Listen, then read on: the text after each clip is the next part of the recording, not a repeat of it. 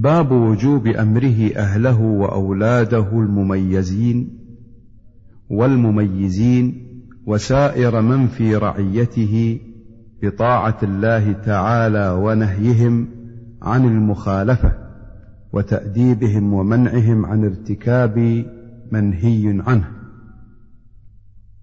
قال الله تعالى وأمر أهلك بالصلاة واصطبر عليها سورة طه. وقال تعالى يا أيها الذين آمنوا قوا أنفسكم وأهليكم نارا. سورة التحريم. عن أبي هريرة رضي الله عنه قال أخذ الحسن بن علي رضي الله عنهما تمرة من تمر الصدقة فجعلها في فيه. فقال رسول الله صلى الله عليه وسلم كخ كخ ارم بها أما علمت أنا لا نأكل الصدقة؟ متفق عليه. وفي رواية أنا لا تحل لنا الصدقة. وقوله كخ كخ وهي كلمة زجر للصبي عند المستقذرات. وكان الحسن رضي الله عنه صبيا. وعن أبي حفص عمر بن أبي سلمة عبد الله بن عبد الأسد ربيب رسول الله صلى الله عليه وسلم قال كنت غلاما في حجر رسول الله صلى الله عليه وسلم وكانت يدي تطيش في الصحفة.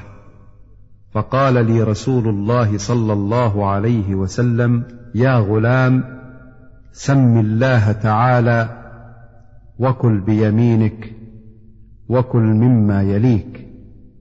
فما زالت تلك طعمتي بعد متفق عليه. وتطيش تدور في نواحي الصحبة. وعن ابن عمر رضي الله عنهما قال سمعت رسول الله صلى الله عليه وسلم يقول كلكم راع وكلكم مسؤول عن رعيته. الإمام راع ومسؤول عن رعيته. والرجل راع في أهله ومسؤول عن رعيته.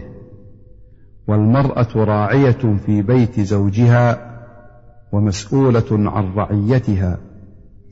والخادم راع في مال سيده ومسؤول عن رعيته فكلكم راع ومسؤول عن رعيته متفق عليه. وعن عمرو بن شعيب عن أبيه عن جده رضي الله عنه قال قال رسول الله صلى الله عليه وسلم مروا أولادكم بالصلاة وهم أبناء سبع سنين واضربوهم عليها وهم أبناء عشر وفرقوا بينهم في المضاجع. حديث حسن رواه أبو داود بإسناد حسن. وعن أبي ثرية صبرة بن معبد الجهني رضي الله عنه قال قال رسول الله صلى الله عليه وسلم علموا الصبي الصلاة لسبع سنين واضربوه عليها ابن عشر سنين.